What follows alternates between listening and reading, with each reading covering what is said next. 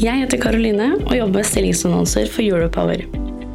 Europower har mer enn 7000 abonnenter, og podkasten du nå lytter til, har mer enn 300 ukentlige lyttere.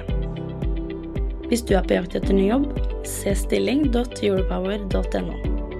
Ta også gjerne kontakt med meg dersom du ønsker å annonsere ledige IT-stillinger i fornybar energibransje.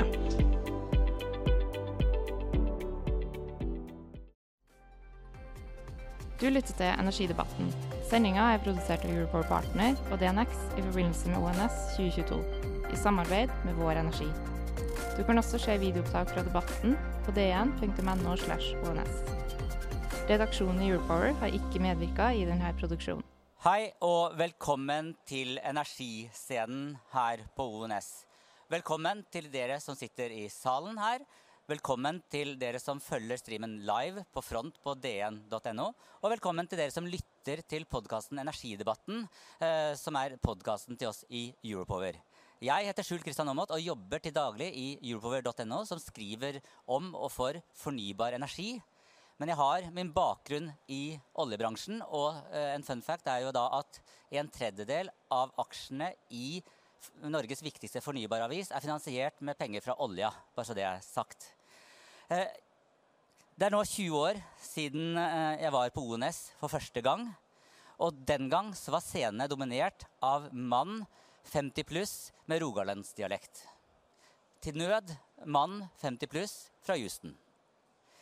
Eh, Viktor Våga jobber i oljeselskapet Vår Energi, og han stiller spørsmålet om det går an å ha to tanker i hodet samtidig når det gjelder norsk olje og gass, verdiskapning i Norge eh, og det å forsyne Europa med energi.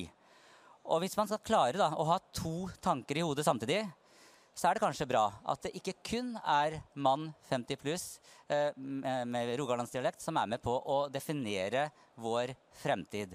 Viktor Våga, ordet er ditt, og du skal få lov å presentere resten av panelet. Det grønne skiftet handler om at Norge skal bli et lavutslippsland innen 2050. Søkelyset på å redusere CO2-utslipp eh, blir bare Det blir mer og mer fokus på eh, Det blir mer og mer fokus på eh, CO2-utslipp og redusere dette her. Og fokuset eh, rettes ofte mot olje- og gassektoren. Vi står med et industripolitisk valg der klima og eh, verdiskapning settes opp mot hverandre. Samtidig så ulmer det en energikrise i Europa. Og siden i fjor høst så har vi hatt historisk høye strøm- og eh, gasspriser. Nei, klimakrisen blir nå på alvor satt opp mot energisikkerhet. På mange måter eh, kan vi tenke på dette som to sider av samme sak. Men istedenfor å løse de hver for seg, så må vi løse de sammen. Vi må med andre ord ha to tanker i hodet samtidig. Med meg i dag så har jeg tre deltakere som skal være med meg og diskutere et par viktige problemstillinger eh, i denne eh, vanskelige energisituasjonen. Alida Domås, eh, nestleder i Industri Energi Ung. Guro Solberg, eh, reservoaringeniør i Vår Energi. Og Ingvild Mæland, eh, direktør for strategi og kommunikasjon i Nysnø. Velkommen skal dere være. Vi har da et bredt spekter eh, av bakgrunner, så vi begynner med en ganske bred og åpen problemstilling. Eh, og diskusjonen rundt behovet for eh, et kutt av norsk olje- og gassproduksjon kommer, opp, kommer ofte opp i, i, i, media og i politikken. Så det jeg spør om, er hvilke ringvirkninger et sånt kutt ville ha utenfor våre landegrenser. Og jeg stiller spørsmålet først til deg, Alida. Ja, takk. Først og fremst takk for å bli invitert til denne panelsamtalen. Det er et veldig viktig tema å diskutere i tida vi nå står ovenfor. Først og fremst er det jo tenk på hvor mye vi skal kutte, eller om vi skal kutte i det hele tatt. Vi i Industri Energi ønsker jo å utvikle oljebransjen, ikke avvikle den. Og det man må ha med seg i denne debatten, er jo hvor stor produsent Norge er av norsk olje og gass. På verdensbasis så står vi på rundt 3% av gassbehovet og rundt 2% av oljebehovet. Det er ganske små tall, men samtidig er det veldig betydelig her i Europa. Fordi man er en ganske stor gasseksportør til EU og Storbritannia. Det er vel rundt 20-25% av eksporten av gass som dekkes av lille Norge. Og det er ganske betydelig, også i den tida vi nå står ovenfor. Vi lever med en krig nærme oss, og den har utfordra forsyningssikkerheten og sikkerhetspolitikken her til lands og i Europa. Og hvis vi da skal kutte, så er jo spørsmålet hvor etterspørselen da blir flytta hen. Hvis etterspørselen ikke går ned. Og det vil den nok ikke gjøre i årene fremover. Fordi man trenger fortsatt energi. Man trenger olje til å lage også ulike produkter som vi er helt avhengig av i hverdagen vår. Og Hvis denne produksjonen blir kutta her til lands, så flyttes den kanskje til land som har lavere klimamål enn det Norge har, og der verdiskapinga ikke tilfaller fellesskapet. Og når vi nå ser at verden og Europa trenger gassbehov, så er det jo heller ikke vår jobb å kutte, tenker da først jeg. Så kanskje svaret på spørsmålet er jo ringvirkningene akkurat nå er jo ganske dramatisk her i Europa. Takk for det, Alida. Eh, Guro, samme spørsmål til deg. I vår energi så har vi jo eh, to tanker i hodet samtidig. Eh, vi vil bidra eh, med å gi energisikkerhet til Europa, og samtidig eh, løse klimautfordringen. Jeg er helt enig med det du sier, Alida. Vi er en, en liten produsent i verdenssammenheng av olje og gass, men vi eksporterer mye gass. Vi er verdens tredje største gasseksportør. Og vi, vi står for omtrent en fjerdedel av Europas behov. Så dersom vi kutter i olje- og gassproduksjonen, så vil den erstattes av andre energikilder.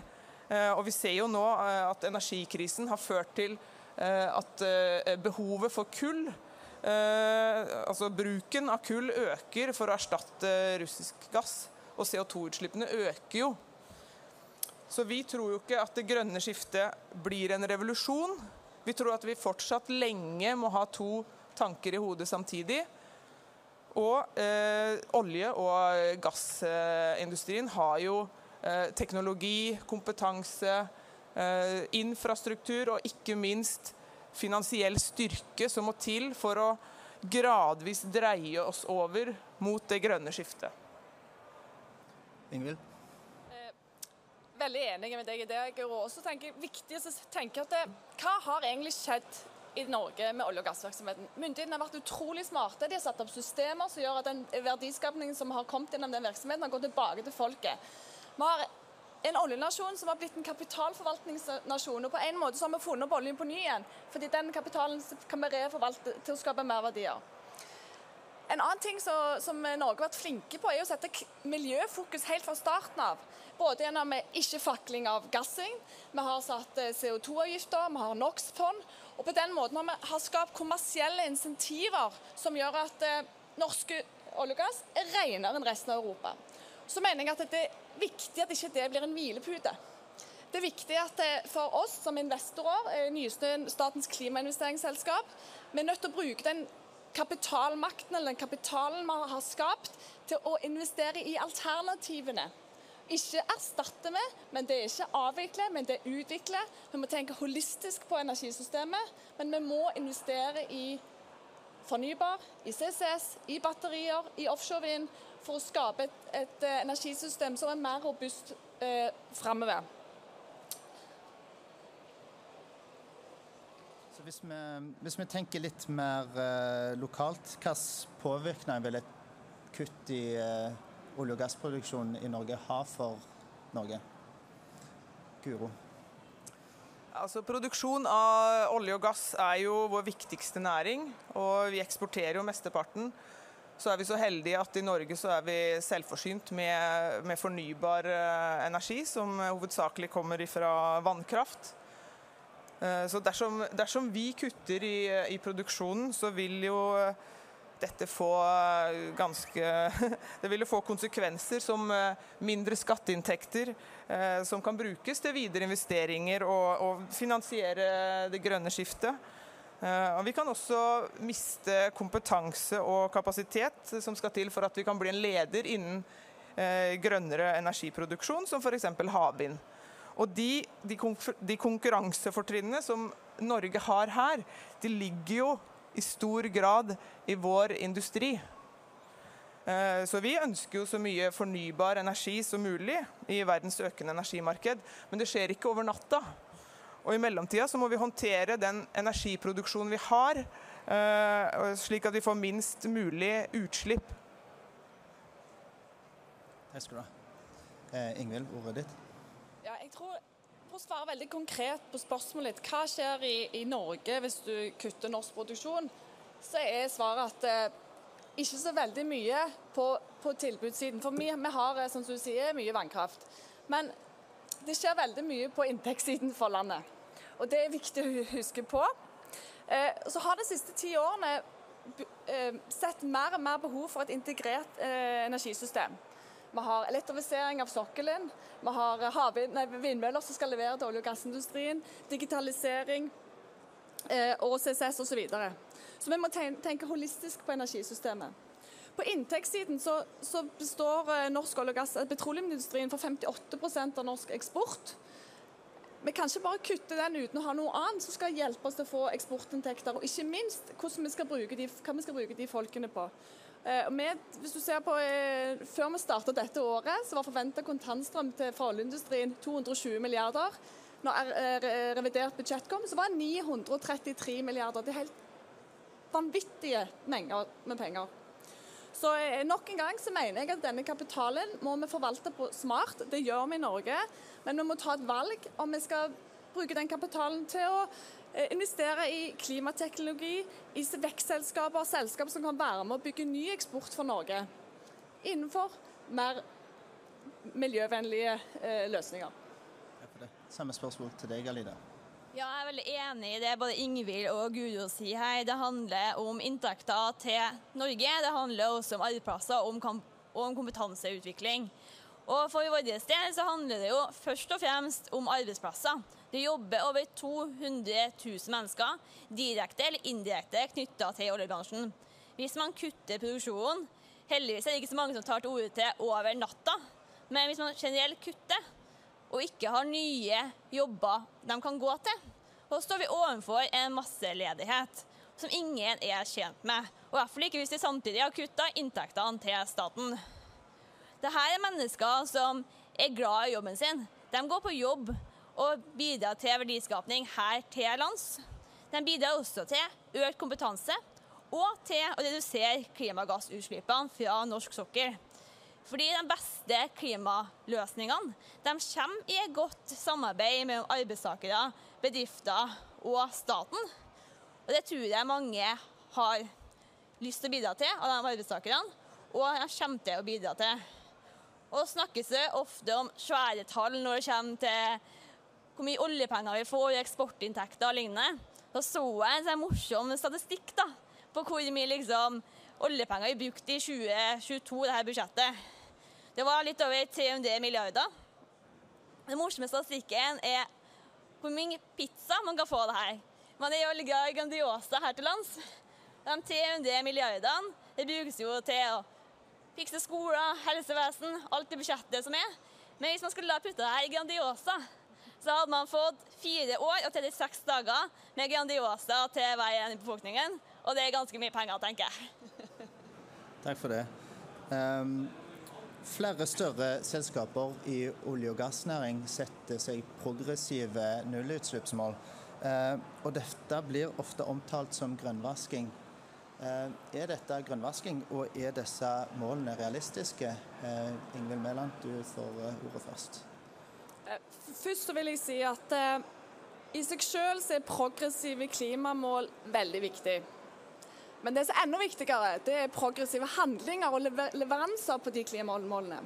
Så jeg er ganske lite opptatt av å sette liksom, merkelapper på, på, personer eller på selskaper i forhold til grønnvasking, Men det handler om at vi gjør eh, det vi kan, og ikke bare det vi må, For eh, olje- og gasselskaper eh, er flinke på compliance. Det er det ingen tvil om.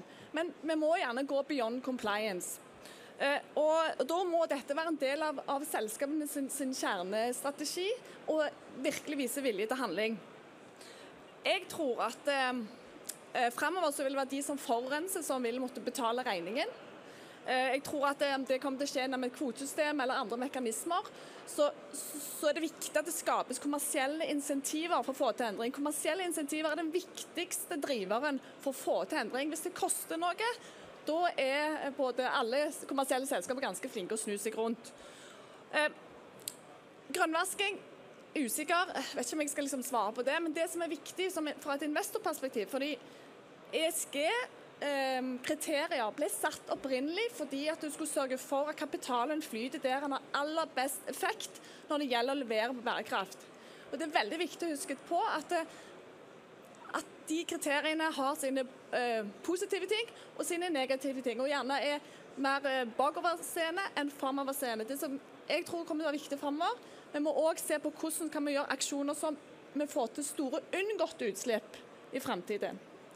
Så fra et neste ståsted så, så, så er sånn jeg ser verden. Alida, samme spørsmål til deg. Ja, jeg tenker jo Det er ikke så viktig om hva man kaller det, så lenge som du vil si, de gjør noe handling i det. Så fordi Man må kutte utslippene om man skal opprettholde en norsk olje- og gassproduksjon her til lands. Men det gjør man jo allerede, så jeg tror jo ikke det er bare ord, men det er også handling til oljeselskapene. Det kan sikkert du si mer om i Vår Energi. Men allerede så deponeres det 1,8 millioner tonn CO2 fra Snøhvitfeltet og Sleipner-feltet alene. Borrigger bygges om til å ha batteridrift. De bygges om. Man har planer om utslippsfrie forsyningsbåter til oljeplattformene. Og gassturbiner byttes ut med vindturbiner. Og man skal ha en storstilt satsing på elektrifisering i årene som kommer. Og det, Alt dette her tror jeg er veldig viktig for også å ikke bare si at det er grunnvaskning eller ikke, men at folk ser at oljeselskapene gjør noen ting, og at det monner. Og vi har jo et sånn utvalg mellom LO, NHO og Offshore Norge, Konkraft. Og de kom jo nettopp med en ny rapport som viser at man ligger i grei retning til å nå 50% utslippskutt innen 2030 og i grei rute til å nå nesten nullutslipp innen 2050. Så det viser jo at oljeselskapene tar sin del av kaka, at staten også bidrar. Det er veldig viktig. Og det høye aktivitetsnivået må vi bare opprettholde i årene fremover. Takk for det. Guro, samme spørsmål. Altså, i, eh, vi i Vår Energi mener ikke at den, eh, den, omstillingen vi er i nå, sammen med alle andre industrier, er uh, grønnvasking. Vår Energi er et olje- og gasselskap, eh, samtidig som vi har ambisiøse klimamål. Eh, vi jobber aktivt med å redusere utslippene våre, eh, og vi har et mål om å bli klimanøytrale i 2030. Og dette betyr at vi må ha netto nullutslipp fra alle våre produserende felt, både der vi er operatør og der vi er partner. Og For å få til det, så, så jobber vi bl.a. med en mer bærekraftig og energieffektiv produksjon. Eh, investeringer i ny teknologi. Eh, og så har vi noen elektrifiseringsprosjekter. Og Elektrifisering er jo en forutsetning for at Norge skal møte eh, forpliktelsene sine til Parisavtalen. Og det vil redusere utslippene med så mye som 30% Men det krever økte investeringer. Og det krever en rask utbygging av fornybar energi, hvor havvind vil være nøkkelen. Takk for det. Eh, hvis vi fortsetter litt på samme tråden, så har eh, EU-parlamentet har beslutta å grønnmerke gass så lenge samla utslipp under eh, produksjon er mindre enn 270 gram CO2 per kWt. Dette har fått veldig blanda mottakelse i Europa. Hva syns dere om dette? Alida, du får ordet først. Ja, jeg tenker jo at det er ganske bra de har gjort det. For det øker insentivene til å investere i gassproduksjon. Når man vet at gass har mindre CO2-utslipp enn det kull har, og det bidrar til å utfase kull, så er jo det et skritt i riktig retning. Men vi tenker jo også at gass kanskje bare er en overgangsfase. Hvis man allerede nå sier at gass er grønnere, som det er, så er det kanskje også større initiativer til å begynne å bygge opp hydrogensatsing, som er en energibærer der også bruksfasen ikke fører til CO2-utslipp. Og Hvis man samtidig begynner å lage større mengder gass fra plattformene med CO2-fangst og -lagring, så kommer det også til å monne bra. Så jeg tenker at Når EU-parlamentet har sagt det her, så vil det bare øke insentivene til både økt gassproduksjon, som bidrar til varme i husene, oppvarming, man kan lage seg mat i store deler av EU og Storbritannia. Og det vil øke insentivene til å produsere blått hydrogen. Guro, samme spørsmål til deg. Ja, EUs ekspertpanel mener jo at terskelen må senkes enda mer for at vi skal nå eh, klimamålene, og at eh, vi skal investere i grønne næringer og ikke i gass. Eh, og Vi ser jo i dag hvor avhengig Europa er av gass. Fornybar energi som sol og vind kan jo enda ikke lagres på en effektiv måte. Og gass det tilbyr en fleksibilitet som kan sikre energiforsyningen. Og Norge, da, som verdens tredje største gasseksportør, eh, kommer til å få en økt betydning som en forutsigbar og ikke minst pålitelig leverandør av gass til Europa. Eh, og En stabil tilgang til energi er jo dessuten kritisk viktig i eh, Europa, Europas sikkerhetspolitikk. Ingvild, ordet ditt. Ja, eh, jeg tror bare jeg har lyst til å ta et blikk tilbake litt på historien. Fordi Hvis du ser tilbake når Norge hadde veldig langsiktige gasskontrakter med kontinentet når vi bygde ut gassinfrastrukturen vår. De hadde en levetid på 25 år, og eh, på, på midten av 2000-tallet så begynte de å utløpe. Da var det en stor kampanje fra de store olje- og gasselskapene for å sørge for å advokere for gass i Europa. Eh, det var mindre vellykka på kontinentet og mer vellykka i UK. Det førte til at eh, politikerne i UK tok noen eh, beslutninger som sa at vi skal bruke gass som overgangsbrensel. og eh, implementerte det raskt. De, førte det tilbake til 1900-tallet i forhold til eh, CO2-utslipp. Det var da. Og jeg tror det er utrolig viktig at vi bruker de mulighetene som ligger. Akkurat nå så trenger verden all den energien de kan få. Jeg tror gass vil være en av de. Men jeg tror det er viktig at vi bruker for Norge, bruker de mulighetene vi har til å se på gass eh, mot blå hydrogen når man bygger ut en CCS-verdikjede som, som, kan støtte en sånn en utbygging for å sørge for at det blir, eh, blir et, eh, et netto null-prosjekt. Ja, så, så, er det viktig å huske på en liten sånn detalj i forhold til den definisjonen. det er jo at De sier at, det, at gass og atomkraft er grønt, men de sier òg at det skal være en transformasjonsaktivitet. Så det må ligge en plan for å komme over fra det til noe annet. Så det må vi ikke glemme, for vi, vi skal inn i et annet regime. Er det noen flere kommentarer fra panelet? Så fra vår energi til slutt eh, at vi mener at eh, olje og gass fra norsk sokkel vil fortsette å være viktig i lang tid fremover. Og andelen av gass vil, eh, med lavt, lavere CO2-innhold vil, vil, være økende. Det, så det vil fortsette å være en viktig del av energimiksen. Da vil jeg først og fremst takke eh, deltakerne for eh, gode innspill, og takk for at dere ble med på dette panelet. Bare for å summere litt opp det vi har snakket om i dag, så er det at eh, olje, olje, og gass eh, kommer til å forbli en del av energimiksen eh, og en viktig del for Norge i, eh, ut mot framtida. Dette er jo grunnet eh, etterspørsmål. Eh, til verdiskapning og arbeidsplasser, energisikkerhet, der denne verdiskapningen kan være med og hjelpe oss å tenke mer holistisk, og til å bruke denne verdiskapningen til å investere i nye eh, og fornybare energiformer. Eh, her er blant nå eh, dekarbonisering er nøkkelen, hvor elektri elektrifisering av sokkelen er en hjørnestein nå i første steget. Og vi må stole på denne viljen til å endre oss, og så må vi vise faktisk handling. Vi må fokusere på bærekraft og teknologiutvikling og samarbeid. Takk for oss. Du lytter til Energidebatten. Sendinga er produsert av Europower Partner og DNX i forbindelse med ONS 2022, i samarbeid med Vår Energi. Du kan også se videoopptak fra debatten på dn.no. ons. Redaksjonen i Europower har ikke medvirka i denne produksjonen. Jeg heter Karoline og jobber med stillingsannonser for Europower. Europower har mer enn 7000 abonnenter, og podkasten du nå lytter til, har mer enn 300 ukentlige lyttere. Hvis du er på jakt etter ny jobb, se stilling.europower.no. Ta også gjerne kontakt med meg dersom du ønsker å annonsere ledige IT-stillinger i fornybar energibransje.